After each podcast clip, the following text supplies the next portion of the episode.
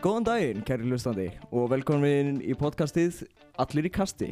Ég heiti Jón Pálmarsson og er hér eins og alltaf með Jóni Gauti Magnúsinni og Hallmund Inga Hilmarsinni. Komið sæl Halló Uh, og hér í dag erum við sérstakann gest, Svafa Viktorsson, kæran okkar. Halló, gaman að fá að vera hérna með ykkur Já. Takk fyrir að koma Gaman að hafa þig Og nú þegar við erum búin að kynna podcastið og okkur alla, þá er komin tími til þess að setja upp álpapírs hattana. Því að umræðið efni dagsins er samsæriskenningar. Hérna Spennandi Hver er ykkar, að, hvað er ykkar álit á uh, flatri jörð? Ó, það, það er bara sannleikurinn. Það er bara algjörlega satt sko Ég er hérna það að vera svona Bara ef hún væri ringlót Væri þá ekki ástralega bara farin Væri ekki alltaf bara dottnir af Hlýtur að vera. Gæti ekki hann að verið Já, Allir vita að þingdaraflið tókar mann niður. einmitt Nefnit Og- Jörðin er bara stanslust við ferð upp Þannig að. Þetta er eina af þessum uh, samsæðiskenningu sem er voðalega erfitt að beita vísendum á af því að þeir sem aðhyllast þess, þetta þeir yfirleitt trú, þeir trú ekki vísendunum eða þeir Nei. trúa eða vilja halda þeir fram að það sé samsærið sé í rauninni Já. að, eins og sérstaklega í bandaríkjanum að það er bara ríkistjórn bandaríkjana hún bara stýrir þessu þannig að Mm. samsæri snýst ekkit endilega bara um að jörðin sem flött heldur er rauninni það er alltaf verið að ljúga okkur. Þannig að við trúum ekki að herðu, það koma hérna myndir frá NASA þetta er allt fake sko. Og, og eins, og, eins og við segjum sko, það er, maður veit ekki, það er, það er alltaf einhver hluti sem held ég að sé bara grínast og aðri sem taka svo alvarlega. En þetta er, þetta er yfirleitt sko, það er engin vísindalega rök sem þetta fólk er að beita. Það er bara, herru þið segja þetta sé svona og ég ætla bara að trúa því að sé einhvern veginn öðruvísi af því bara Já, Mhm. já, þetta er En því hérna, lík. talandi um fake hluti hjá, frá NASA Fyrsta tunglendingin, ef það er rétt orða hjá. Já. Hvað, haldið þið að hún hafi verið Hvað fake er ekki til betra ég, orð fyrir ég veit, já, já, falsaði Falsaði, já það, mér, mér finnst það alltaf rosalega erfitt af því að sko, það eru margir sem hafa alveg komið með sjónamið sem er alveg hægt að taka alveg vandamáli er að allt sem er frá þessum tíma Mhm. er orðið svo gamalt að þú veist menn bara, herru, ég sé hérna einhverja strengi hérna í geimfurunum myndirnar voru bara ekki það góðar þú veist, þær voru bara veist, þannig að með við allan peningin sem var settur í þetta, það finnst mér mjög ótrúlegt. Já. mér finnst það rosalega ótrúlegt En síðan var að benda að fánin hafi já, verið svona Að blakta. ekki En geta. aftur þá spyr maður sig hvaða, hvernig var taknin á þessum tíma já, og Já. geimfararnir hefðu auðveldlega að geta liftunum bara eitthvað svona til þess að gera myndina Mhm. flottari. Já, algjörlega En hérna Ég held að þetta sé einna, þetta er einn af þessum hlutum sem svona mér, mér þætti að það kæmi mér rosalega óvart ef að það hefði verið feikað sko En Já, það, það er hins vegar aftur það getur við ekkert sannað sko í rauninni. Mhm. Nú, En þetta með flötu jörðina er mjög auðsótt að, sanna. Þetta er ekki bara eins og ykkur svona tölvuleika svo sneik þar sem þú ferð út af borðinu öðrum minn og kemur inn á skilur nákvæmlega. uh, En hérna Ég held að Þú veist, það er alltaf að tala um að Ok, ef þú fyrir flugvel og fer bara beint áfram það endar á sama stað. Ég held að þetta séu gemverur sem er að láta ykkur bara fljúa í ringi Já. Bara á, á Já. Þetta eru bara gemverur sem að stjórna flugleðanum, skiljið Já, Bara, ok. og, Það eru búin að þú veist, taka yfir stjórnvöldi hinum á þessum já, og svo flugvelarnar eru að, þú veist, þær eru svona beigðar til þess að heila það mann, skiljið Já, já. Uh, Uh, það er kannski mikilvægt að taka fram núna að ekki allar skoðanir sem að við, uh, de sem við uh, deilum í þessu podcasti eru alvarlegar og þið ættu ekki að tala að við eða taka öllu því sem við segjum alvarlega. ekki að tala því alvarlega. Nei, nei, þetta er nú meira Öllu svona engu. líka til að gera smá grín og hafa gaman að því og ef, ef að einhver hlustandi trúir á flataður þá erum við alls ekki að setja út á því persónlega þetta er bara okkar, okkar hugleðingar þetta er, það er, þetta er ekki beint gagvart einunni neinum Já. þetta er meira bara til að halda upp í skemmtilegur umræðu. Mm. það eru alls konar hugmyndir sem fólk hefur og, og það, veist, það er svolítið merkilegt hvað mikið þessu kemur frá bandaríkjum Já, það er veldið já, fyrir já, okkur. hvað, er í rauninni hlutfallslega lítið að samsæriskenningu sem koma ára Európu og þetta er svolítið, Mhm. hefur svolítið að gera með þeirra samfélag sko. Já, hvernig þeir, þeir, það er uppbyggt að þeir virðast, það er, það er bara svona í, grafið í hluta þjóðfélaginu vantröst á stjórnvöld. Þannig ef eitthvað kemur upp að þá er yfirleitt kemur upp einhvers konar samsæriskenning.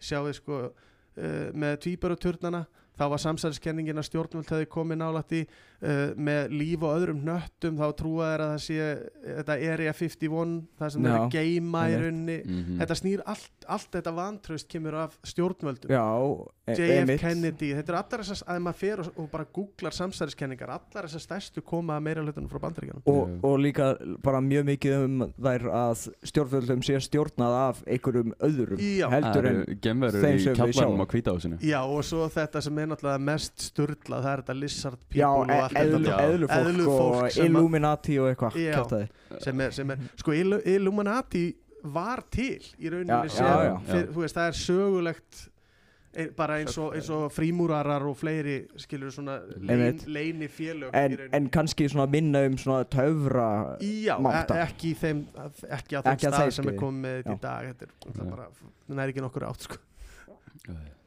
Þannig að þetta, þetta fer alltaf það er svolítið áhverð, þetta fer alltaf lengur og lengur og svo einhvern veginn deyrit út Mm. Já, já, en svo eru svona ákveðnar samsæðiskenningar sem hafa haldist bara í tíu ára sko. já Uh, já, síðan hef ég heyrt eina skemmtilega að það, já, nokkrar uh, Einn þeirra er til dæmis að ríkistjórnin hafi að fuglar séu ekki til og þeir séu bara myndavélar Mm. hjá ríkistjórninni en það er svona, þetta séu bara drónar. Já, einmitt. Ég, ég trúi hvernig því. útskýra menn þá hef, eru þeir að reyna að drepa okkur þá? Já, Nei, svona- bara að reyna að plata, bara plata all, okkur. allir fuglar. Ég, Já, það er sem fólk hver Sem er þá tilgangurinn með En- þess að þú veist en- endur er einmitt. En- En ég held að flest fólk haldi, já, sem sagt, segi þetta bara upp á grín en, Já. en það eru eflust nokkrir sem að snildin væri náttúrulega ef þú væri með eitthvað svona kannski eina fuglategund sem væri drónar Mm. þannig að Já. það myndi blandast inn í hinnar og fólk myndi ekki fatta það Já. þannig að þú veist, já, heyrðu, hérna kemur bara þessi tegund En, en það er einmitt líka svolítið vandamálið þegar fuglarnir fara að rífa hvort hann að ný sig já, já þetta er að vera svona dóminant eða svona, afgerandi tegund sem að væri ekkert að ráðast á. Einmitt. Bara allir ernir eða eitthvað svoleiði sem væri bara, það væri allt drónar. Þa, Það myndi líka Shit, passa vel í. Ameríku þar sem að já, skallavernin er bara Mörka. Já, það, það væri svolítið fyndið. Svo er líka hérna Hvað er hérna hjá hérna Já, flugvélunum já, já, já. Það, að það sé notað til þess að halda svona population í control Já, það er sem sagt samsælskenningarnar voru að þær voru að spreyja út úr flugvilunum aftan á Já. hvítu línutnar sem Mhm. við sjáum í loftinu þetta séu Mhm. efni sem við verðum að spreyja í loftið og, og þetta væri í rauninni komið í rauninni bara á flugfélög bara eins og í Æslandi er og eitthvað sluðis mm sko þetta byggir allt á gömlum hérna vísindum því að þjóðverðar gerðu þetta sendu herflugvelar upp já. og, og spreyjuðu efnum í skíin sko og Mhm. hugmyndin var að reyna að fá rigningu og Já, eitthvað já, svoleiðis eitthvað. en að þetta sé verið að, að, stjórna fólki með þessu og, og einhverju voru að halda fram að vera að spreyja einhverju þannig að vera að reyna að gera fólk ófrjótt til að stemma stigum við fólksfjölgun og alls konar veist, þetta er- til alls konar svona Já, já, já. og það er Mhm. hérna ég hef heyrt einmitt menn tala mikið um, um þetta uh, en hann útblástur frá flugvílunum að þetta sé allt eitt stórt samsæri sem að væri það væri ótrúlegt að það hefði tekist -hmm. en við vitum samt að þessi tækni er til, það er semst hægt Já, að já. gera þetta en ég held að þetta sé bara ekki í hérna, Nei. Það er núna komið í hérna flugfélum Hvað hva er hérna Það er komið í herlög að þetta megi ekki lengur.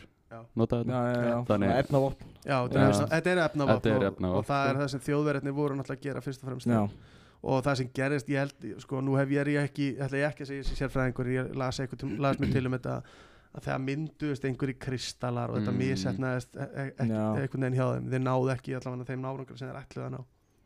einmitt uh, En síðan eru það alls konar svona kenningar uh, sem að bara eiginlega er ekki hægt að útskýra til dæmis svona Bermuda þrýðningin Já. og Já. allt það.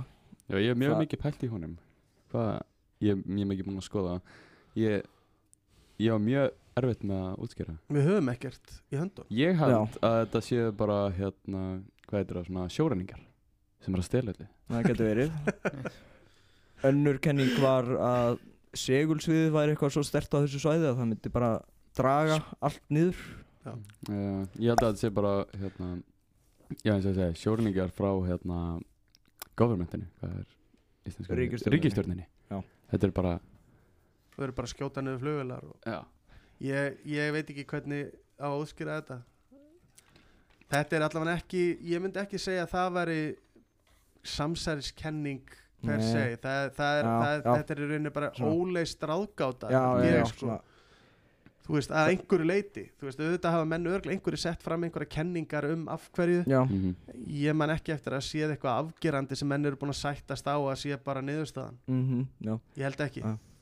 En já, ef, ef við finnum þá kannski aðeins til hliðar og í svona ímsa ráðgátur og eitthvað. Já. til dæmis um þarna stórfót og öll þessi skrýmsli sem hafa sést yfir aldirnar. Hérna á Íslandi lagafljóðsormurinn Já, já En hérna, var ekki búið að sanna það að lagafljótsörmurinn hafi bara verið einhver spýta sem að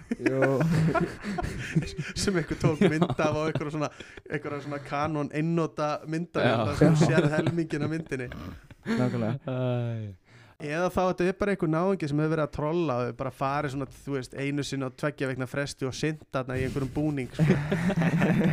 bara til að halda þess Það að lífi helviti Já. mikið dedication sko. En lagafljótsörmurinn er alveg heimsfrægur hann bara tilherir hópi af Já. eins og með Loch Ness Svona ég, ég ég horfði á þátt það sem að uh, bandarískur hérna veiði maður sem heitir er með þætti sem heita Riven Monsters og aðra sem heitir King. Dark. Water hann fór og aðtögaði þetta og fór að skoða í rauninni sjávarlífið þarna Mhm. og hann komst að því að það voru fiskar sem voru það stórir að það hefði alveg verið hægt að taka feil á þeim ef þeir hefðu komið upp í smá tíma og niður aftur eins og væri eitthvað stærra. Já, ok. Mm, þannig, að- þannig að þetta væri líklega verið að taka einhverju sem hafa tekið myndir og séð eitthvað í vatninu, einhverja reyfingu Mhm. sem virkaði rosalega stór að þá voru þetta- fann hann einhverja se- típur sko af stórum ég man nú ekki nákvæmlega hvaða hvaða fiskur þetta var sem að þeir voru hvort það var kenningum þetta væri jável ægi einhverju svona hvað heitir það á íslensku, svona catfish Eins og þeir eru með í stóru Granar eða eitthvað einhverju svona risastórir Já, sko, sem er, þú veist, þeir geta verið alveg, þú veist, Já, alveg þeir- faðmur sko. Mhm. þannig að hann alltaf þú veist, ég er 40 ára, orðið 40 ára sko, ég trúi engin svona skrimsli. Það er bara í eðli sínu. Þar til ég sé En- það fyrir fram að mig Eh. þá ætla ég bara En já, síðan, síðan er það einmitt spurning hvort að, þú veist, e- þetta hafi verið skrýmsli eða eitthvað en bara, já, að sumt af þessu hafi dáið út. Að veist, það, það eru góða líkur á því að einhvern tímann hafi lifað stór að, 100% sko sem að var Ég meina það þetta er pottitt eitthvað af þessu verið til en, en til dæmis eins og það er menn eru að halda það fram núna eins og í bandaríkjunum Já. sérstaklega þeir eru með stórfót á heilanum sko já, að menn sem sjá þetta í dag ég held að það alveg þurfi að alveg alvarlega að skoða hvort það þurfi ekki að leggja það inn sko. já, sko, já. eða aðtuga hvort þetta séu ekki örgla bara einhverjir grislípi eða svona bitnir sko. Mm Já, já, ég, ég held að það sé sem sagt, svona heimildir séu miklu verri núna Já. þegar það er hægt að breyta svo miklu með tækninni. En það eru til sko rosalega mikið af svona sjávar uh, hvað er að segja, svona góðsögnum eða hvað Já, við köllum já, það og, og sérstaklega til dæmis í Asíu þeir trúa á mörgum stöðum á svona mjög uh, neðan sjávar verur svona í líkingu við til dæmis hafmegjur eða einhverja sem, ta sem taka Já. veiðimenn Einmitt. Þú- þetta er bara, er bara í þeirra, þeirra sko, svona trú, trú eins og þjóð, íslensku þjóðsögurnar Já. sem þú veist við áttum þessar personur hjá okkur já, en, en það er líka bara ekkert skrítið, það er svo mikið í hafinu sem að bara enn við vitum ekki um. Já, En ég held að selir séu manneskjur Já, ég meina það eru til margar íslenskar þjóðsögur um seli sem breytast yfir í manneskjur Mhm. og breytast síðan tilbaka. það er Svona sko, hálfgerðar he- ef, er, ef það er eitthvað sem hræðir mig þá er það hafið sko. ég, Já. málið er ég, þetta er bara fóbía sem ég er með sko, þú veist, ef ég til dæmis er á bát eða eitthvað þá er ég alltaf skítrættur við það sem er undir það sem ég sé. Ekki Já, ég, ég fríka bara út, ég sé myndir þar sem fólk er á kajak og það er kannski risastóru kvalur undir og það veit ekki af honum og hann er svona tíu svona stærra heldur en kajakin ég verð skítrættur sko. Það, það er nákvæmlega það. Ég, ég bara, ég þvóli ekki sjóin. ég ég fæ bara svona illt í magan þegar ég horfa á þetta. Að- ég, maður sá myndir af að það voru hnúubakar sem mm. komu allir svona upp einhvern veginn í einu og svo svona einhver einn gæi á kajak að sigla þarna bara hliðina. Ég bara, hvað hefða gerst þegar þau bara komið upp það sem hann er? Já, til dæmis, já, þegar ég var á Spáni og bara sjórin var svo gruggur þar og Já. þú veist, ég, ég, ég var bara komin upp að snýta mitti en mér leið samt svo óþægilega því ég vissi ekkert hvað var undir mér, sem sagt. já, það, það er, þetta er fóbía sko. Þetta er, þetta er sama, ég ætlum með, með nákvæmlega sama hætti með fugla. Ef þeir eru fyrir frama mig og ég horfi þá er allt í lagi. En ef þeir eru fyrir aftan mig og ég heyri hljóði þá er ég alltaf að snúa mig við það því að mér er svo ógeðslega óþægilegt, ég veit Já. Og þetta er sama þú með, með hafið það er líka þetta, það er bara óvissan það er óvissan og dýftin, þú veist, þegar menn að skoða þú veist, hæsta fjall, hæstu fjöll þú getur, fer lengra niður í einmitt. hafinu sko. Já, Þú veist, þrýstingurinn og annað, menn bara get ekki skoða þetta þannig að mm. þetta er svaka, svakalega áhugaverðar pælingar með, með öll þessi dýr sko. ég veit En það, það er samt svona á, það er samt hægt að svona, já jafna sér svolítið við það þú veist, flest þessi dýr þarna neðst ofan í sjónum Já. sem við vitum ekkert um þau eru búin að aðlast því Já. að vera svona djúpt og þau bara eru það aðlöð að þau geta ekki komið upp því að Já. innanverð pressan er svo mikið að þau myndu bara springa En Ok. hvað haldið þið að sé inn í fjöllum? Ég held að það sé bara svona stór ríkistjórnarhús sem að eru já, Já, Notið- til þess að Austin Powers Já. Austin Powers.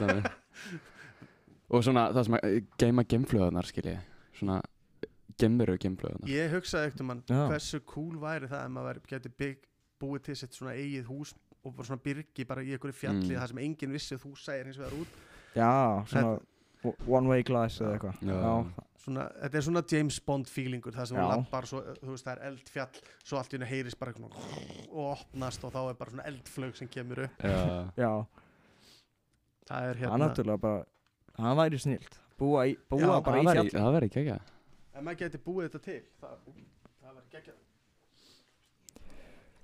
Vera, vera með eitthvað svona leini en svo, ég er að meina, ég er ekki til eitthvað svona byrgi Jú. svona hernaðabyrgi sem þeir eru með sem að menn vitur ekkert um sko, jú, sko. Pottið alls konar Sovjetmenn voru með þetta hérna á sínum tíma. Eitthvað stær í. Sýberíu endalust af þessu. Já. ef vera að marka allar hasarmyndir sem maður hefur séð.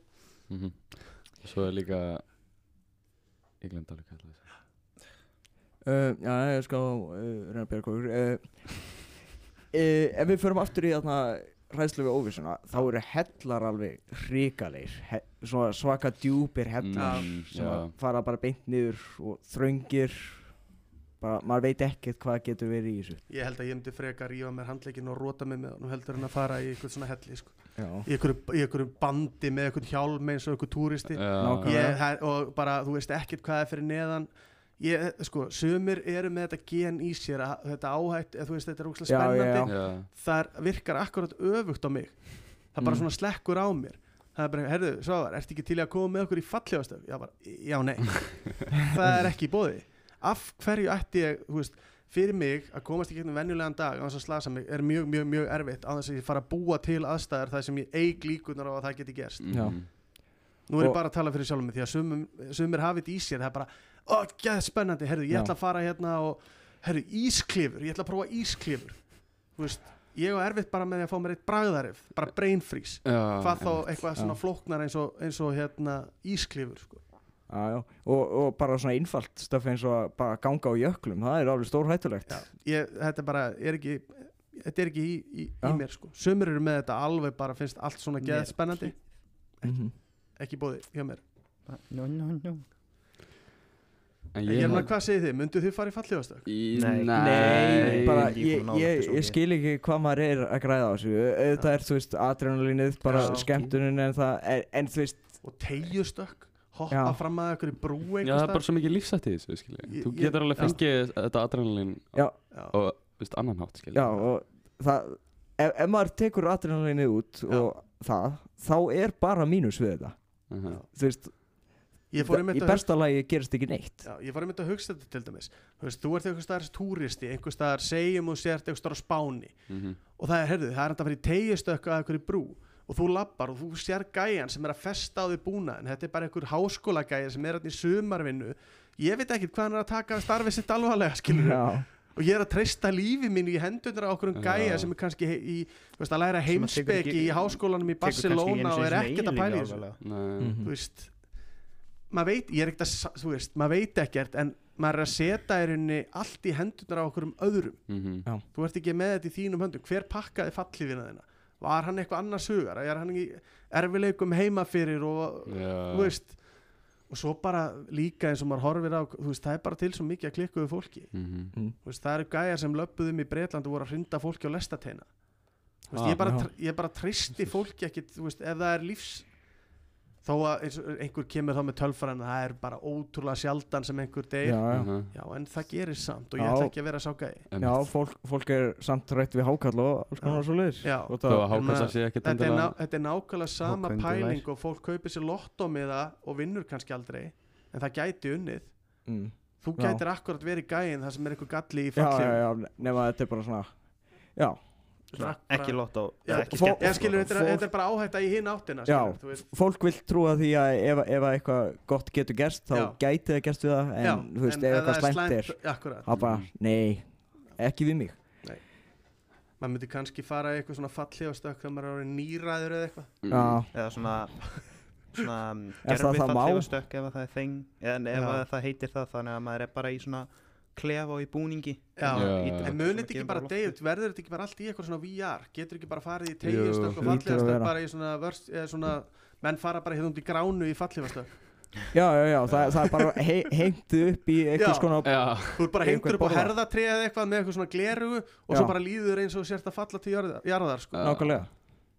Það lítur að vera hægt.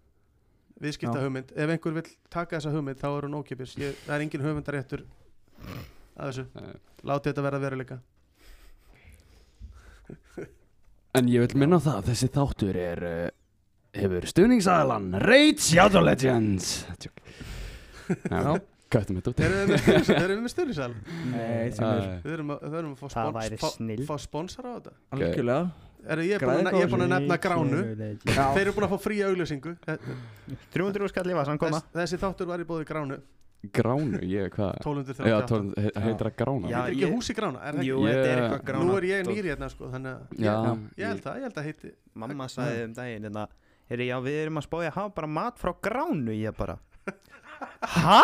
Hver, Hver er panta, hver, hver panta mat frá VR Þetta er þarna síndaveruleika staðurinn sem heldur að sé það og Já. Það að þetta sé actual matastæður En var ekki geðið ykkur matur hérna? Þeir voru með þvílíka matsel fannst mér alltaf. Þetta er svona- mm, Þetta er meira eins og maður, ef svo ég vil kalla það fullorins matur en Já, Já, já, já. þegar ég fór þarna. E, e, En þeir voru, með svona, svolítið þeir voru með svona sér matsel um daginn Það sem voru með svona, ekki bara þennan venjulega matsel Það sem var hægt að fá svona kvöldmat já, ok, svona, leit vel út sko. sko, Leit vel út. Ég, ég held þetta sé oftast bara svona svolítið mikil túristamatur. Já, stoppa Já. í bænum, fara í síndaveruleika og fá sér smáborða Mm, Já. Og svo er líka maturinn hann svolítið dýr, skilji já, svolítið Svolítið svona, svona pínu Já, Já. já, þú veist, en þá er þetta nú hugsað þannig ef að, að þetta Mm. verður þá eitthvað sem gerir þá við sérstök tilefni, ætlar að breyta til eða Mm, eitthvað svoleiðis, mm. þú veist, ef allt væri bara eins að þá væri ekkert svona sérstakt sko, Já, Já. þannig að mér, Já. ég er þar sko, ég vil enda, það er einmitt, það sé kannski eitthvað svona stig, það er alltaf að hafa einhvern eitt stað sem er með eitthvað svona, þú veist, sem myndir kannski þá fara einu Mm. svona ári eða eitthvað Eh, svoleiðis, Já, en, en þetta er líka bara svona þetta er svolítið mikið svona tú, túristahugsun eh, nýta, fá eins mikið af þessum túristum tímabundið. En er ekki, en það er náttúrulega, það er nú svona kannski ekki mest í túristastæðarinn á Íslandi, þannig að, Nei, en, en, en ég meina við erum til dæmis að fara að fá öðna, skemmtifæraskip hérna á krókin já, það. Já, það? já, já uh, ég, ég held að sé ár eh, það, það eru held ég eitthvað þrjú Jón, skemmtifæraskip farið að koma á krókin og ég, það, það er bara svolítið gaman að Mér finnst það mjög spennandi Þa, það mun breyta samfélaginu svolítið Já, í já. tímavettið það mun, gera það Ég- ég, bara vona að kom ekki, kom ekki núna því að það, það er búið að vera ansi mikið að fréttum það sem er Já. með COVID-smitt á þessum Mhm. skemmtifæraskipum pælti Já. því að vera á skemmtifæraskipi og það eru næstu bara allir síktir og þú ert ekki síktur já, þú veist, hvað gerur já. þú veist, væri best að loka þig inni Mm. og láta alla hina bara skemmta sér eða loka alla hina inni og þú ert bara hérna einn eitthvað, þú veist, á rísastöru skemmtifæraskipi já. það er eitthvað líka eitthvað sem ég get ekki hugsað mér að gera Nei. eða tíma á skemmtifæraskipi ég er mjög fljótt bara, nú er ég búin, ég er búin að gera allt Já, það er einmitt það sem að ég var að og hugsa ég þegar verð ég fór ég verð stundum þannig líka í útlöndum þegar ég fyrir útlanda, Já, ef ég er of Já, já. Þú veist, ég er ég, einmitt þannig líka. Þe- þú veist tvær vikur fínt, stundum hefur farið þrjár vikur, þá er bara, ég er búin að öllu. Mhm. og þá bara, herru, það vill ekki bara leggjast niður og fara í sólbað og, og gera hvað þá? Ég bara, svo bara að í leggjast og ég bara, Það er svo, einmitt. Á ég bara að liggja hérna og gera ekki neitt. Svo líka fara í svona túristarútur og svona.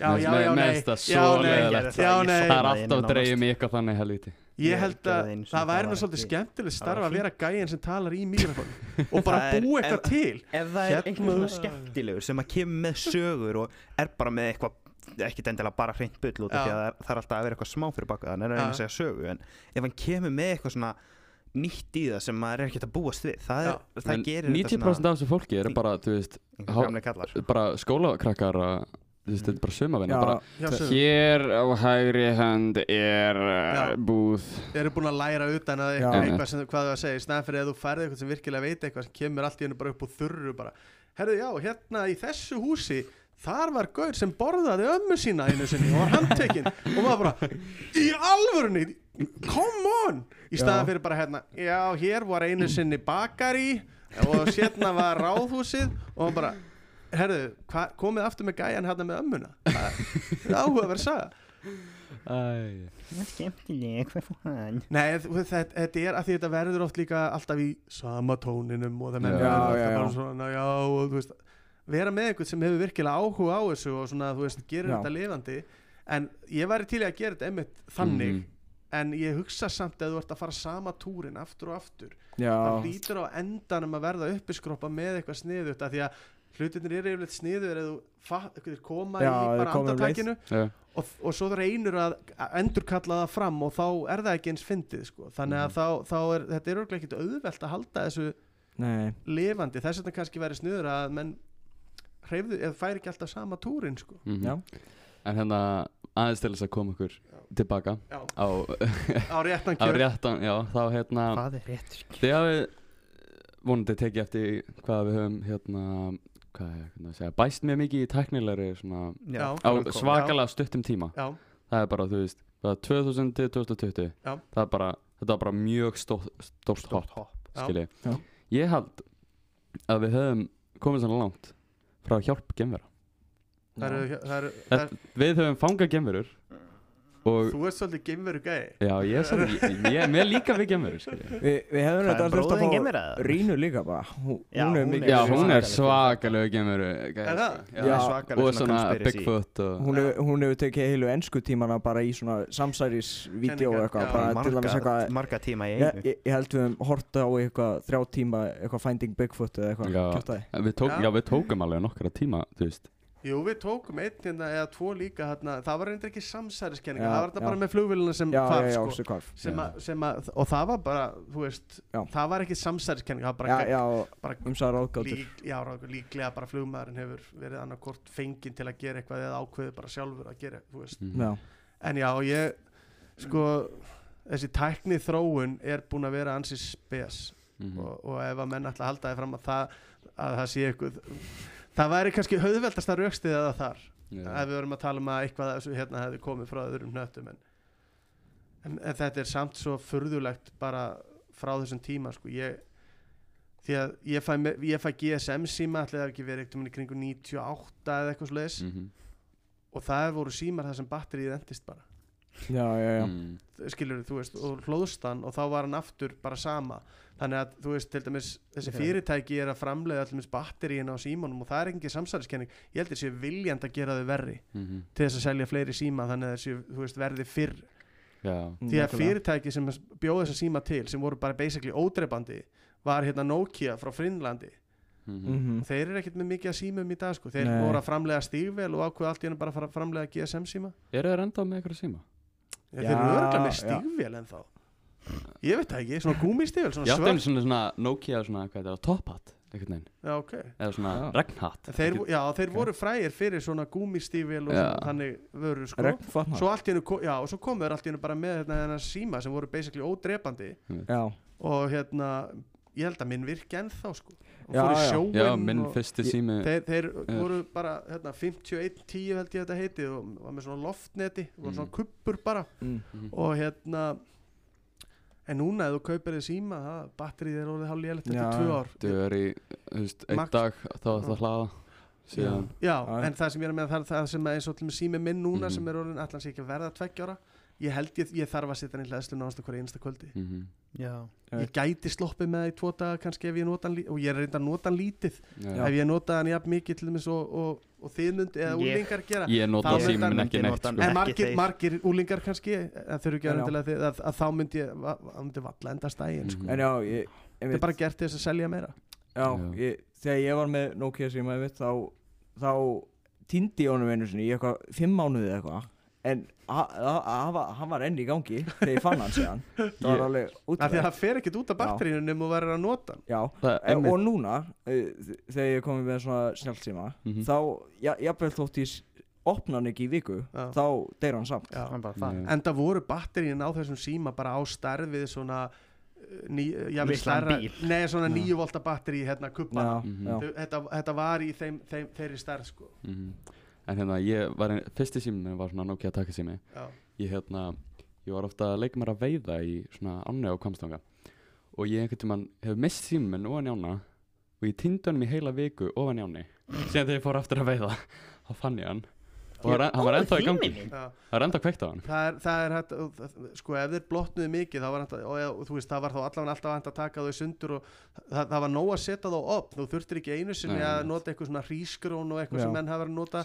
Er það var í rauninni nóg bara að losa vatnið úr honum og eins og segi, Mm. minn fór í sjóinu og sett hann bara upp og, og bara fín setjum daginn sko Maður ásandi ekki að setja síma í hrísgrjón sko. Nei, ekki, út af því að ríkið sem að fellist að því eða bara efni sem að Já, ok. Það, það, það verður svona verður til svona, hvað sé, svona smá gel svona einhvern veginn já, sem að fer þetta er, þetta ég, er ég getur farið inn í síman og Þetta er e- í tengslum við þessar samsæriskenningar sem við erum búin að vera að tala um það eru svona þessi húsráð sem að Mhm. fólk Já. hérna notar ég held til dæmis að þetta með hrískunum væri allt í lagi Mhm. þetta er eins og þú spyrðu eitthvað herri, ég með, hvernig losna ég við hyggsta þá getur þú fengið 15 mismöndu svör frá 15 mismöndu fólki og það er allir samfærið um að það virki það Já. er bara, ég heyrði frá einum já, og ég er ekkert að djóka þú ert að standa á haus og drekka vatn eða standa á höndum og, eða, ég veit ekki hvort það voru á haus eða höndum og drekka vatn og ég bara, what? Hvar lærður þetta? Já, amma sagði mér þetta það, það er betra bara að byggja eftir því að hyggst inn hverfi þá Já. Já. ég er búin að ákveða, þegar ég verð gamall svona, þú veist, segjum mér hún ná að vera 8 80 ára þá ætla ég að búa til svona hluti Ég svona ráð. til að segja fólki Já. þú veist, ég, ég er þakka trúðu mér, ég prófa þetta ef þú hérna snýrðir í þrjá ringi og, og hérna rakar að þér hárið þá Þá myndu færðu giftast innan milljón viku. krónur. nei, þú veist, þetta er alveg hérna, að- eru allir með eitthvað svona veist, amma eða afi kendi mér þetta og þetta er allt bara bullshit. Þetta er bara eitthvað sem þú segir við krakkana til að láta það líða betur. Þetta, þetta snýst alltaf bara um að dreifa hugan og hættir að hugsa, hugsa um og, að þú Já. sért með þannig að reyna- þetta gengur alltaf út af það sama. Er og með bregða fólki. five minute Já. crafts og svona Já, það er það er, Það er bull. það er segir- bara hérna- five er minute crafts já, já. Það er bara definition af samsæðiskenning þú ert nú sérfræðingur í því. Ég er svakalegur í því sko. Ég, Five Ég- minutes, cra five minute crafts var potið gert bara af lím Geimvera. já, já. Svona bara, Svona hvað getur við búið til úr lími á fimm myndum Já, bara til þess að selja meira lím til Já. svona svona hot glue Já. eða- Já, heit- heit- einmitt. heitt lím, já. Svo er, þú veist, það heitir five minute crafts vídjón er 20 mínútur eða þú veist, kortar. Já, já. svo ef einhver gerir þetta á fimm myndum þá er hann búin að eyða örgulega 20 myndum undirbúning áður en er þetta ennþá í gangi? Er fólk að horfa á eitthvað svona? Já, Já, já, þetta er bara, þú veist, þetta er margra miljón bara já ok, bara, þú veist, þetta er ennþá í gangi. Og hvert það, vídeo er með 20 miljónir og það, það er líka bara svona mörg sem sagt channel mörg Já, um segja það. en þetta er já, já. þetta er eiginlega að allt það þetta, sama það er eiginlega bara samt eitt fyrirtæki sem át allt Já, já, það þetta er er mjög, þetta er mjög mikið þannig þetta já, þetta já. er mjög mikið af og- rússneskum fyrirtækjum Já, og það er mjög mikið verið að endur nýta Mhm. sama efnið svo er líka, veist, eins og mjög mikið að vera að stela hérna svona thumbnails mm. frá öðrum Já. og þú veist þetta er ekkert af þessu er upprænulegt það er sama stöfið í hverju vídjói Já, mjög mikið stólað á reddit líka en þetta er bara að- ég hef aldrei, þetta verið aldrei kveikt áhugað mér. Ég, ég fatt þetta ekki. Ekki frekar en þetta hérna þegar fólk er að gera eitthvað svona hljóð en, en, en já, Mm. þe- þetta er, þetta er sem sagt svona litrík thumbnails sem að fangar krakka já, og svo leiðis og, og einhver, einhverjum ömmur sem að finnst þau vera mjög hipp vegna, það er ég kunna búa til eitthvað Já. hérna, já, líma Já, sem sagt íspinnaprygg saman. Já, Amma mín sapnaði eða sapnaðar svona íspinnapryggum og eða, það er ekki notað með það lengur en hérna, og krakkarnir alltaf þessir eldri en ég, bróður minn og þarna þau á aldir við hann kannski aðeins yngri en þau voru alltaf bara að taka lím og lím þessar spýtur saman og reyna að gera eitthvað Já, þannig bara já, mjög mikið já. þannig hjá mér í Búa- hérna, leikskóla og svona. búa til hús og eitthvað svoleiðis bara Já, já. eitthvað, það- þú veist En svo er hérna thumbnaili sem ég gerði fyrir vídeoið mitt Já. er leiðilegt að hlustandi get ekki séð það en þetta er svona Jú, tjekka bráði þetta er mjög mikið svona mjög mikið að litum og, já, já. Litríkt og og fall svona þú veist Viltu ekki bara plugga channelið þitt eða? Ha? hvað er eiginlega búin en að taka? ætluðu að taka einhverja svona sko- skjóta inn í einhverja svona would you rather spurningum ef að henda okkur í Úlfur. Já, Já, ég, til henni, það ég til henni. Það er kannski gaman að fara í bara, hana bara samsæringarum sem sjá Nei, ég ætla að finna ykkur góðar ég meina alveg ekki það sko. Já. Þannig ef, ef við skellum okkur og, og förum aðeins að svara erfiðum spurningum eh, áður en ég byrja þá ætlum ég að taka fram að bæði spurningarnar og svörin eru algjört grín, þetta eru bara fíblalæti sko. Já. Þannig að, fyrsta spurning til ykkar. Hvort Mhm. myndu þið vilja vera með engar hendur eða engar fætur?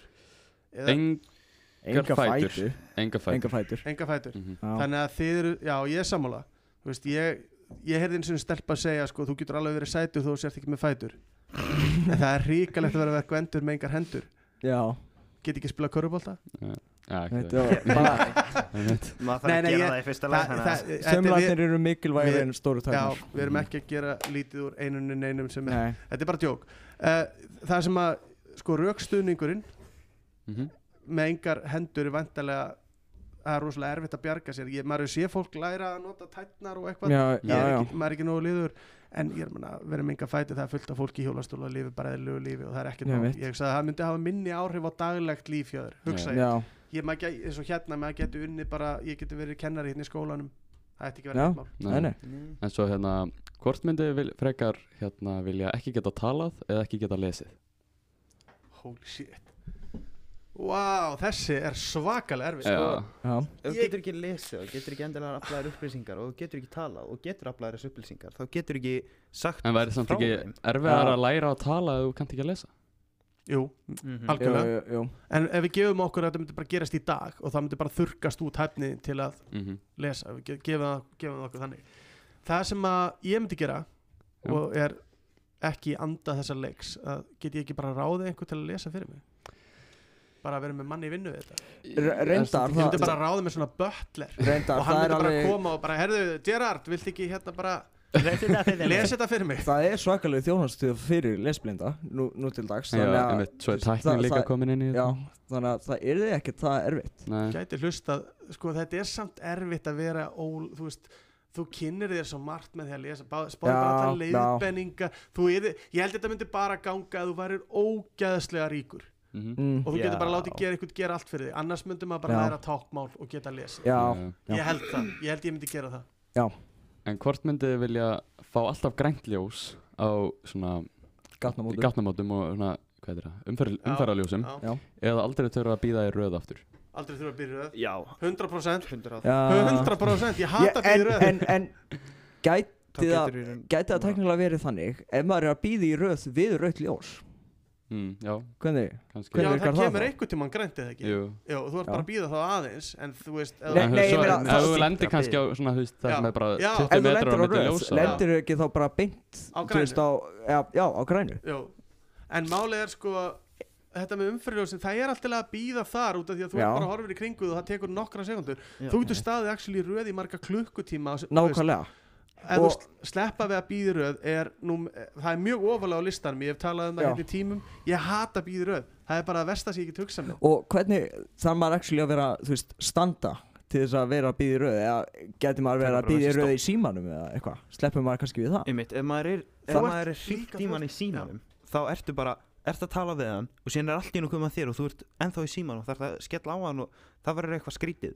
En ef þú, ert, ef þú getur bara farið strax og getur þú gert það svo sín, hringt svo eða Mhm. eitthvað en þú veist, aldrei býður þú fer Já. fyrsturinn og alla tónleika sem En- þú ferð á Já. þú, fer, fyr- þú mætir, það er fullt af fólki að býða þú ert allt í hennu fyrstur það Já. skiptir engum máli En- hvert þú fer þú ert á kassa í búð, það er 20 manns að býða þú ert fyrstur allt í einu bara Mhm. en, en já, það myndi pottið tíða að maður yrði alltaf fyrstur Já. á, á rauðu ljósi ef það Nei, Þú ert ekki Já, allt já. eftir í Já. bílaröðinni, skilji já, já, ok, bara í venjulegur ekki Og líka bílaröð. bara, þú veist, ok. Þú bílaröðin veist, svo já. upp á heiði, eða, þú veist, heiði og svona Já. þegar hægt, eða, þú veist, þegar maður kemst ekki hratt Já. skilji. já, já, En- engin Það spurning, ekki snilld. ekki býðröð, alveg 100% það væri nummer eitt hjá mér Ok, fann eina, eina aðra uh, Hvort myndið vilja vera bara mjög venjuleg manneska í dag eða konungur fyrir 2500 árum? ah. holy shit. Svo, e, sem sagt spurningin er ég ven, venjulegur í dag. Er það svo?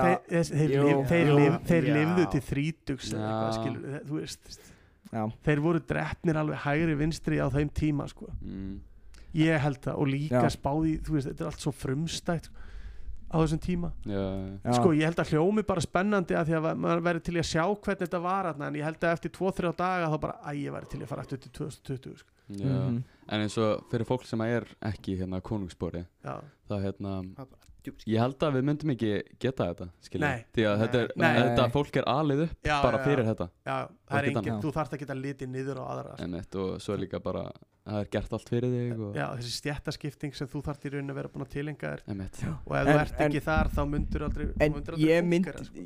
ég myndi samt halda að maður yrði þá bara, þú veist, konungur og Já, maður já. myndi gleyma öllu, Öllu þú veist, hinu. frá núna þá. já, Mhm. nákvæmlega það er áhugavert ég meina, hvort myndu þið vilja uh, alltaf þegar kemur lag í útvarpinu Já. eða hvar sem þið kemur þið gætu bara hlusta á eitt lag alltaf, Mm. bara eitt lag skiptir ekki endilega, segjum bara að við myndum velja eitthvað lag sem væri ekkert endilega of pirrandi, bara segjum að þetta væri bara svona sæmilegt lag, Mhm. það væri bara svona lag sem þið okay. þið getur bara hlusta á það þannig að Já. ef við varum fjórir og það var eitthvað lag þá myndum við, þú veist þrýra Já, okkur já, já. heyra eitt lag og, og hinn Já. mynd, þú, þú heyrir alltaf sama lagi þó að sé annar lag að spila.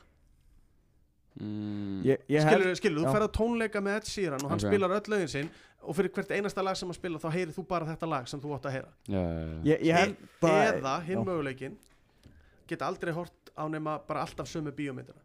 Mm, þannig að Sko- þegar þú ferð og kveikir á til dæmis Lion King þá kemur ekkert Lion King heldur kemur bara þessi eina mynd sem þú mátt horfa á. Tónlistin, Ég tónlistin myndi taka myndina Möndið þú taka myndin og sleppa tónlistinni? Já, ég horfði svo mikið á það sama bara, skilur Já, já, myndur, já, myndur velja að horfa alltaf á Ég sömu myndi myndina? velja að horfa alltaf á sömu myndina Því ég hvort sem, ég ég gera það, ekki En ekki. þið vilja sem sagt, alltaf heyra sama lagið?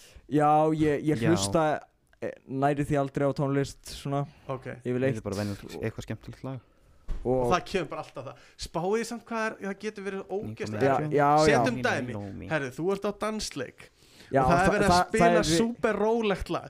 Lægið sem þú valdir Já. er súper ræð Þannig að allir dansa ekki eitthvað rólega. Og þú ert hoppandi um eitthvað sem bjáni það, er auðvitað erfiðast í svona eh, samfélagslegu þú, giftir þig, þú ert að fara að dansa fyrsta dansin við kon, konuna þín og hún er að hlusta á allt annað lag heldur en þú. Ég, ég veit ekki, ég held að En- ég, ég myndi sleppa bíó, bíómyndunum. Það er Netflix, það er til svo mikið góðum sjónvastáttum ég myndi bara hætta að horfa á bíómyndur og horfa bara á þætti og Já, geta já. hlusta á hvaða tónlist sem er. Einmitt, Ég myndi gera það. Ég myndi gera það. Já. ég held að, ég held að hitt væri of kjánalegt í aðstæðan þú getur aldrei sungið. Nema þetta eina lag. Já. spáði ef þetta lag væri Baby hversu- með Justin Bieber. Ó, oh, nei. það var eina lagi sem þú getur hlustað á að eilífu.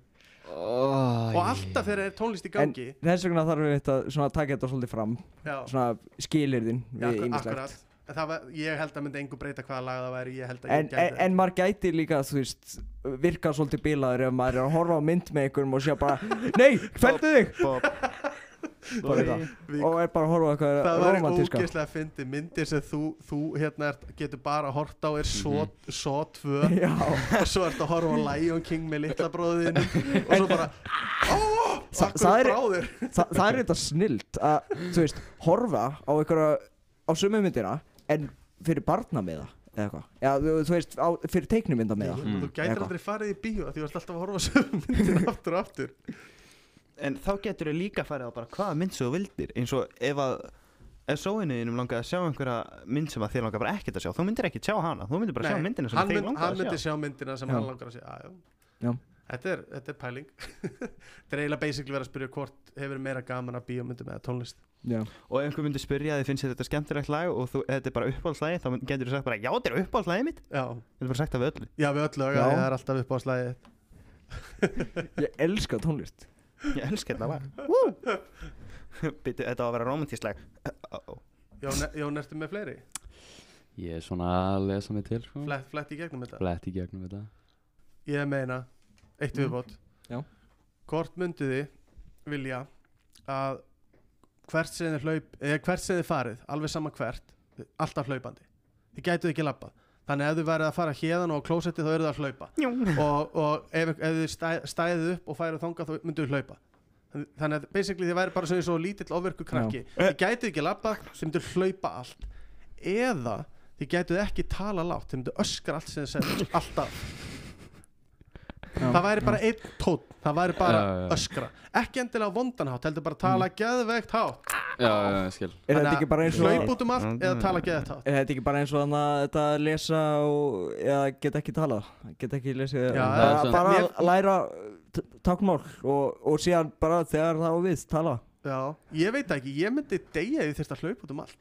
Myndum En ég held samt að ef, ef við myndir hlaupa út um allt þá, myndir þú samt alveg kemst, byggja upp svaglegt tól skilur já en það hljóta að vera einhver takmörk. Ef þú værir að hlaupa um allt þá við erum að hlýtur tala um alltaf að það vera allt að gera þitt það. líf skilur spáði Mm. því, þú veist, segjum að sér, þú, þér er illt í fætinum. Þú ert samt Já. að hlaupa á hann bara, að þú getur ekki vegið. lappa þú bara Hjólastól. keirir og færir en tala hátt, getur maður ekki bara tal, slefti að tala og bara benda á hluti og Þú þarft- eitthvað sem er ekki í kringu að segja þú hlýtur að vera með síma sem þú getur skrifað og látið að lesa. Freka bara að tala í- í- illa um útlendinga. Getur maður ekki líka bara, bara búið til eitthvað sem er eitthvað svona tala hátt syndrom og sagt bara, Já, ég er með já. tala hátt syndrom get ekkert gert að því.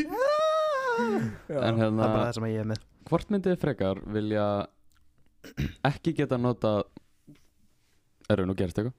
Já, ok, þetta er allt í góð Ah. ok, ég held þessi góður. Ok, Já. ok. Hvort myndið þið ekki vilja Nei, afsaki Hvort myndið þið ekki Nei, hvort myndið þið vilja ekki geta notað gaffal og þá ekki, veist, geta notað skeið eða Eða geta notað skeið eða, en ekki notað gaffal.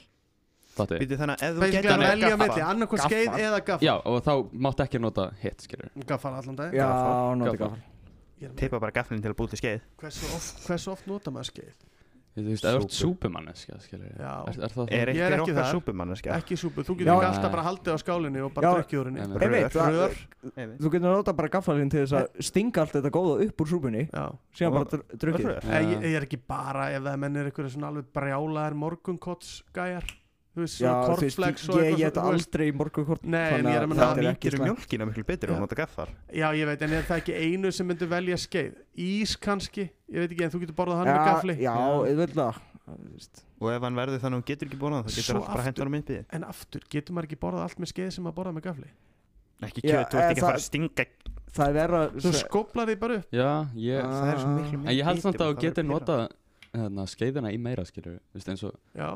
þú getur nota í skeið í í pasta allt sem þú getur nota eh, gaffa gafli Er það ekki? Jú. Nefn að segja eitthvað mjög stór hlutur, skilur Svo þetta En- stingi En þú skerði allt niður, hvort er? Já, emitt Það væri samt svo vandræðilegt á veitingum sem er geðvika steik að skera hana með hníf og reyna að pressa hana niður með skeiðinni og skopla henni svo uppi svo lítill krakki og ég, það er of vandræðilegt ég Það er gaffal líka því að þú, þegar þú ert að skera þá getur ekki stungið í kjötið almennilega með skeiðinni. Þú reynir Já. að nota hana og pressa hana niður og svo rennur Þú- ég- ég, ég, ég, ég þarf ekki vökva það mikið. Ég ég- þarf ekki að borða það mikið vökva. Nei, nei, ég, ég, held- ég er Og þá bara að drekka vatn. Ég myndi, ég myndi velja að e- hafa gaffal Gaffal En hérna, hvort myndið þið vilja að allir hundar sem þið myndið sjá myndið reyna að ráðast á okkur eða, eða allir fuglar? Allir hundar. Allir, allir hundar, come on Það er fólk Já. sem á hundan og getur stjórnað þeim. Fuglarnir eru bara vælkar Það er enginn sem stýrir þeim. Þú er, þeir myndu fokking drepa þig. hérna, ríkisstjórnin. Já, rí, ok Já, já, enni En þeir eru, sa en þeir eru samt að ráðast að þeim uh, Taka bara birdbox á þetta. Binda fyrir augun. Þetta var- það væri hræðilegt. Það væri hræðilegt ef fuglar myndu bara ráðast á þig alltaf þegar þú lappar. Já, ja, Átta sig ekki á því að en væri er þannig. það að bara allir fuglar ráðast á mann eða allir fuglar sem maður sér Allir fuglar Þetta meina Þetta meina að þeir myndu bara targeta þig? Það myndu bara allt í hennu koma Nei, ég hérna meina- flamingóar einhver staðar ærlendir Bara til að leita Það myndi uppi. byrja að leið Nei, ég meina, ok, se segjum bara allir fuglar í kannski 10 km radius. Já. Þá myndur náttúrulega ekkert enda Þú stæðin verður að Þeir myndu fara í bara, gegnum- drep, þeir myndu bara drepa þig um leið en, en, skilur en, en já, ég, ég er bara að spá sko, hvort er það, þú veist e, e, öll dýr, eða, öll dýr í þessum radíus eða okkur radíus eða öll bara sem, sem leið þú og rekst horfir á, það. sem þú rekst á. Því að ef það væru allir hundar í radíus þá myndu þau bara steppa frá eigendur sínum og það voru bara döður líka. Þetta lítur að vera það sem en, en, en ég meina, já, er, er, það- er hvort þarftu að sjá? Það hlýtur Sjá. að vera, þú hlýtur að þurfa að sjá. Ok, af því að Já. sko vandamálið er eða þeir þurfa allan að vera í návist við þig hugsa, ég, annars myndi það ekki virka. Ég myndi bara treysta því að fólk getur hérna haldið utan um hundin sinn já, og já. hérna því að þú veist fugla geta líka ráðast á þig á landi sko. en er þið þú spáður þetta lappi kringu tjötnin í Reykjavík en það getur líka verið alveg það getur líka verið alveg ógeðslega vandræðilegt þegar maður er að umgangast einhverja mjög þjálfað hundar sem eru þjálfaðir í eitthvað sérstakt Já, eins og já. lögreglu hundar og eitthvað Já, svoleiðis. Ef þú ferði til bandaríkjana Já. Það ertu bara í djúpum er koma En ef þú ferði í gegnum hverfið það sem er mjög mikið að lausum hundum þá ertu bara í vondum málum. En ég já, er að menna það eru það er fuglar fucking allstað hvergi verið sko, já, já, já. Það er hræðilegt. Þetta er því svo hræðilegt ef allir fuglar ráðast á þig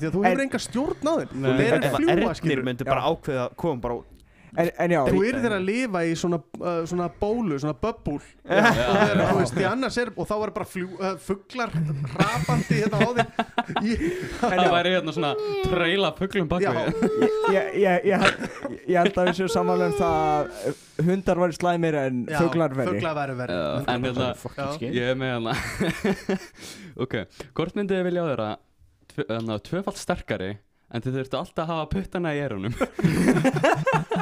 Stærstust að flexa minn maður. Eða fara hérna, eða skríða og fara tvöfalt hraðar eða úr hleypur. Ha, Skrýta Þannig þú þú- geta sérst ekki lappað eða þú getur labbað en, svona, en þú getur ekki beti, beti, beti. En Ég- nei, mögulega ekki. ég, ég, sem ég sagt- skil Ok. ekki. en þú Annarkvort- gætir farið niður á fjóra fætur og verið super fljótur Þú getur verið tvöfalt hraðar en þú ert að hlaupa á fjónum fótum skilur já, ok, ok. Þú myndir bara vera hestur Þú á fjórum þú fótum. verður tvöfalt sterkari Þannig eða að ma- þú ert með puttin í erunum eða skrýður tvöfalt hraðar en úr byrju hleypur. hvað græði maður að að vera sterkar en maður er með puttan í eyrunum? Ef ég tek Þú það úr það. ef ég, ef, ég tek, ef ég tek það úr eyrunum þá er ég ekki lengur jafn sterkur. Nei. Þú er bara með það í eyrunum og sparkar í en það líka Já. Hver er með puttan í eyrunum maður það er bara svo sex ára krakkar eitthvað. Nei, nei, nei, nei, nei, nei, ég heyri ekki í þér þú veist, þú virður þessu eitthvað, eitthvað að þér. Ég myndi frekar vilja bara vera venjulegur en eiga þá optionið ef ég Já, þarf að fara super hratt þá get ég bara farið á fjóra fætur og stungið alla. En væri það samt ekki gett, þú veist, fyrir þig? Jú, en spáði hvað verið mikil snill. Þú Yes, olimpíuleikana Og bara hér kemur Svavar á 6.95 Jú, sem bótt var að leggja stað Þú veist, það er stórkostlegt sko Ímyndaður hvað það væri bara fyrir Ah. sprettlöfara sem er nú þegar sjúklega Mhm. fljótur já Þessi spretli bara sem er svona Hann er bara búinn að vinna olimpíuleika en, endan en, en síðan er það spurning myndi að taka eh, sem sagt jafn mikla orku að skrýða og hlaupa því að þú veist vanalega Ég held að breyta engu, ég nenni Nei. bara ekki að vera hérna, va- þú Já, veist, já, já. super strekst, Nei, sterkur nei. með hendur, í, með puttan í eyrunum það, það er hljó- Þú veist, jú, jú, þú ert eitthvað eins og setja flexa en þú veist, uh, nei. Nei, En vöðvastærð er ekki þarna jæmt og styrkur? Nei, nei. Þú Nei, ert- þú heyru, ert bara eins- strókar, það er verið að ringja mig frá Singapur What? ekki svara? Og ekki ringja tilbaka, það er eiginlega aðal Já, ég er ekki bara þannig við vörum hlustendur við ef þið fáið símtali erlendis frá uh, ekki ringja tilbaka því að þetta er uh, scam Já, þá virkar Já. þetta þannig það er allt í lega að svara sko. Mhm. en málið Ekki snýst um hringja að það sem þeir vilja gera þeir vilja ringja, ringja út þú kíkir á númeri, veist ekki hvað það er og ringja tilbaka og þá ertu rukkaður svipað bara þess að þú ert að kjósa í Eurovision eða einhverju svoleiðis stóti þeir eru alveg ringja mjög stutt Já, og skella á. skella á til þess að fá þið til að ringja tilbaka. Já, Já. Já, þannig þannig að ekki, ringja, ekki, ekki, að ekki hringja. ringja tilbaka ef einhver ringir í ykkur erlendisfránum við viti hver það er. Reynið að finna út hvað, hvað símanúmer þetta er. Ég er ekki þú veist, ég er bara með hérna einhvern pakka tvö, eða, þú veist, Já. skilji. Ég er ekki á. Íslandi en Ég hugsa líka bara alltaf akkur eftir ykkur útlöndum að vera að ringi mig Já, já. Yfirleitt er það þannig ef ég þekki eitthvað sem er í útlöndum og ætla að ringi mig þá yfirleitt fæ maður sendt skilaböðikinu mes uh, Já. messenger eða eitthvað svoleiðis en ekki bara beint í síman hjá manni En eru þið samt ekki meira bara að ringja inn á eins, eins, eins og Messenger, þú veist Það er verið að borga fyrir Jú, Það er jú, dýrt að jú, hringja með jú. Mhm.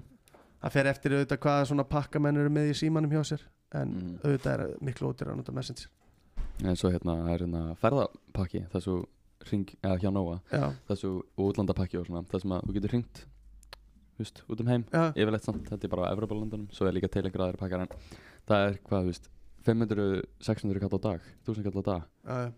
Mm, Og já. ég er með eitthvað svona pakka bara það sem að þú veist, ég er með allt hjá símanum og þá er þetta bara veist, þeir semja bara eftir hvað ég nota Mhm. þannig að ég hef ekki farið til útlanda og eitthvað í svolítinn tíma þá er ég ekkert með inn í því þú veist, svoleiðis Mhm. ég er og ekki heima síma og eitthvað svoleiðis stóð sko. Mér held- ætla svona fer að fer að detta út Já Ég fyrir bráðum að þurfa að fara í tíma og svo. hvað er tíminn á okkur? Uh, fimm- 1.25 Nei, 55 Nei, 13.52 8 myndir í Shit Já. Þetta Ég er, það er að enda, taka við, það. við getum verið hérna í allan dag sko. það er Já. Já, ég Það þarf eins og að það er- fara í hérna heimilisfræði og svo sund og Sund í dag Já, Já. Þú því að pró, prófa að fara í heimils og að stinga upp og að gera eitthvað svona kjánalegt eitthvað svona sem er ógeðslega flott getum við gert brúðatertu?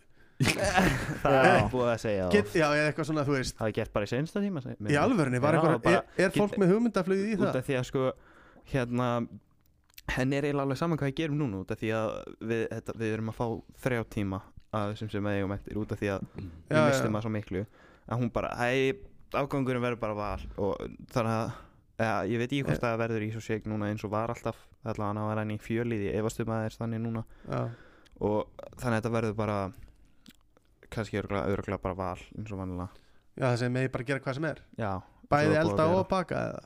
Já, eða, ég veit, eða, jú, jú, ég held það. En hérna, ég með eitt hérna sem Já. að, meðist Ég ég hert þessa spurningu mjög oft. Mm. Það er mjög misátt hvað fólk segir. Já, En hérna, hvort myndir þú freka vilja vera fallegur og, eða, og hálf, eða heimskur já, eða ljótur og gáfaður ljótur og gáðar Ljótur og gáfaður já, ég held það Það er mjög meina, misjátt ég er ekki gáðar hvað, Já, er- hvað sko- er mínusið það? Eh, Sko vandamálið er uh, fer kannski ég, það er örgulega einhverjir sem eru á þú veist aldrinum 18 til 25 eða eitthvað sem eru svaka mikið á djamminu og hugsa í skamman tíma og það væri snild að vera ógeðslega fallegur sko, Já. þú veist, Já. til lengri tíma þá er það, er það rosalega erfitt að Mm. þegar þú ert orðin, sérstaklega orðin eldri og ert fjölskyldu bóðum og veist ekki neitt og ert bara alveg út á túnni sko.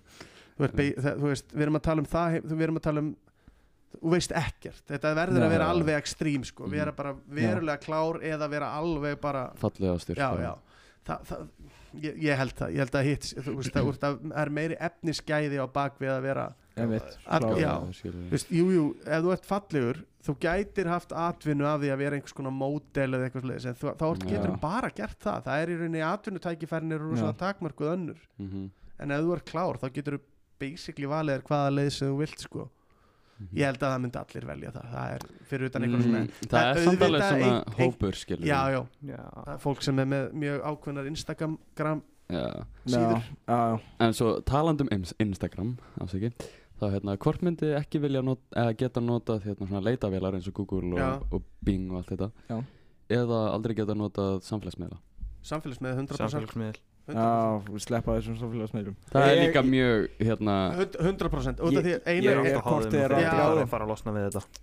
Ég myndi allan daginn sleppa þeim. Það er eina sem er þú veist, með hluti eins og Facebook og eitthvað svona það er verið að búa til einhverja grúppur og eitthvað svona sem er búið í það er alveg að finna aðra, aðra miðla eða skilur það er Einmitt. bara alltaf að fara í gamla góða og bjóða fólki og ringja í það og eitthvað svoleiðis en, mm, en sko allt, all, allar þessar upplýsingar sem getur fundið í gegnum þessar leitavélar mm, þó Já. svo að þær sé að fylgjast með þér og auglýsa, þú veist, en aftur þú ert ekki með samfélagsmiðla þá já, ég held að, held að ég myndi vilja hafa þú veist, það er svo gott að geta að leita þessar upplýsingum En hérna með að þau sé að selja upplýsingar Já. Mér persónulega, mér er bara slétt saman Já, með að alveg eiga upplýsingarna mínar Hva, Hvað finnst ykkur? gæti ekki verið meina sama í raun sko manni er í rauninni kannski alveg sama en í svona í eins og við köllum í grunnhugmyndina prinsipinu þá er þetta náttúrulega verið að vesla Já. með þín, þinn þetta er þinn réttur og þú átt rétt á að, skilur svona að vera prívat eða útaf fyrir þig Já, en þú veist, þú, að þú getur verið að þú bara Já. nota réttu já, þess vegna skiptir öllu máli að þegar að fólk að fólk sé meðvitað um það að það er ekki verið að brjóta á réttindu þeirra að, að það er búið að samþykja þetta. Já, og svo náttúrulega gera þetta þessi fyrirtæki. Þegar þú skráir þig Mhm. þá kemur það sem er kallað term of, terms já, of terms of condition condition. sem er í rauninni bara svona og þeir gera það super langt viljandi svo fólk nenni ekki að lesa. Það það er ofta einhverja bara 13 blaðsýður Já, og þú nennir ekki að lesa, þú skrollar bara neðst og segir ok. Og þar getur staðið allar anskotin þú veist, við eigum rétt á öllum upplýsingum sem þú við skráir eigum hérna fyrsta inn og, við þurfum að fá DNA úr þér og þannig að auðvitað held ég að fólk eigi samt að passa sig að þú að réttindum. En þegar að snýra því ef þú googlar eitthvað veist, ef að ég googla My Little Pony Mhm. þá fæ ég auglýsingar fyrir My Little Pony inn á Facebooki hjá mér. Sama Já. dag bara, það kemur bara um leið. Mhm. það er svolítið creepy. Já, svo- já, já. Þú getur líka, ef þú vilt sleppa því að sé hérna, hvað, fylgst með þér já, Já, þá hérna getur þú nota bara hérna NordVPN hvað er hérna, heitir það svona browser já, va svona vafri Vafri, eða þá getur þú nota vafra sem heitir Tor til dæmis, já. þú veitir hvað er. Jú, jú, það eru til alls konar og svo er hérna leitavél sem heitir DuckDuckGo sem að akkurat er ekki að þessu og svo er þetta VPN sem að Já, já, já, og það það eru mörg, mörg, mörg, mörg, mörg, mörg Það kemur að mismunandi- sponsorinu okkar, NordVPN nei. já, eða ExpressVPN eitthvað sem þetta heitir, þetta eru örugglega mjög mörg. Mhm. bara ég myndi samt passa með að taka ekki hvað er sem er. Kynna sér bara, ef, menn ætla að vera með VPN kynna sér það. Já. Já. En Ég var að fara erum við að fara að segja þetta gott í dag, Já. drengir Ha, Já, ég held að bara. Já við þakkum fyrir okkur. Vonum að uh, ykkur hafi þótt þetta skemmtilegt Og endilega hlusta á hinn podcastin okkar. Já, Já, bara, bara. Takk kjærlega fyrir mig að bóða mér og það verður gaman að koma og gera þetta aftur Já. eftir setna sko. Takk Já, fyrir já. komuna. Það væri fínt Bara- að hafa- fá þig aftur. Það var bara Bara gaman. að tala við. Já, sömulegis, þetta, Já. var bara, þetta var skemmtilegt. Við fórum, fórum víða fórum við bara Já. vona að fólk sem hafi verið að hlusta við haft þokkulega gaman að þessu og kannski tekið þátt í uh, spurningunum hjá okkur og svona, hvað það hefði valið og Já, öruglega einhverjur alveg brjálaður að þau vilja velja, velja eitthvað annað en það er bara Já, partur af já. skemmtuninni. Mögulega einhvern tíma setna tökum við framhald. Það væri gaman. Kannski höldum við áfram með þetta. Já, Já, ég segi líka bara takk fyrir að hlusta. Það bara og heldur fínt. eigi góðan dag. Takk fyrir okkur það gott. Góðan dag. Góðan Ég ætla bara að gera þetta í hverju podcast. Bara. Góðan dag Og endum þetta bara á Og góða nótt fallega fólk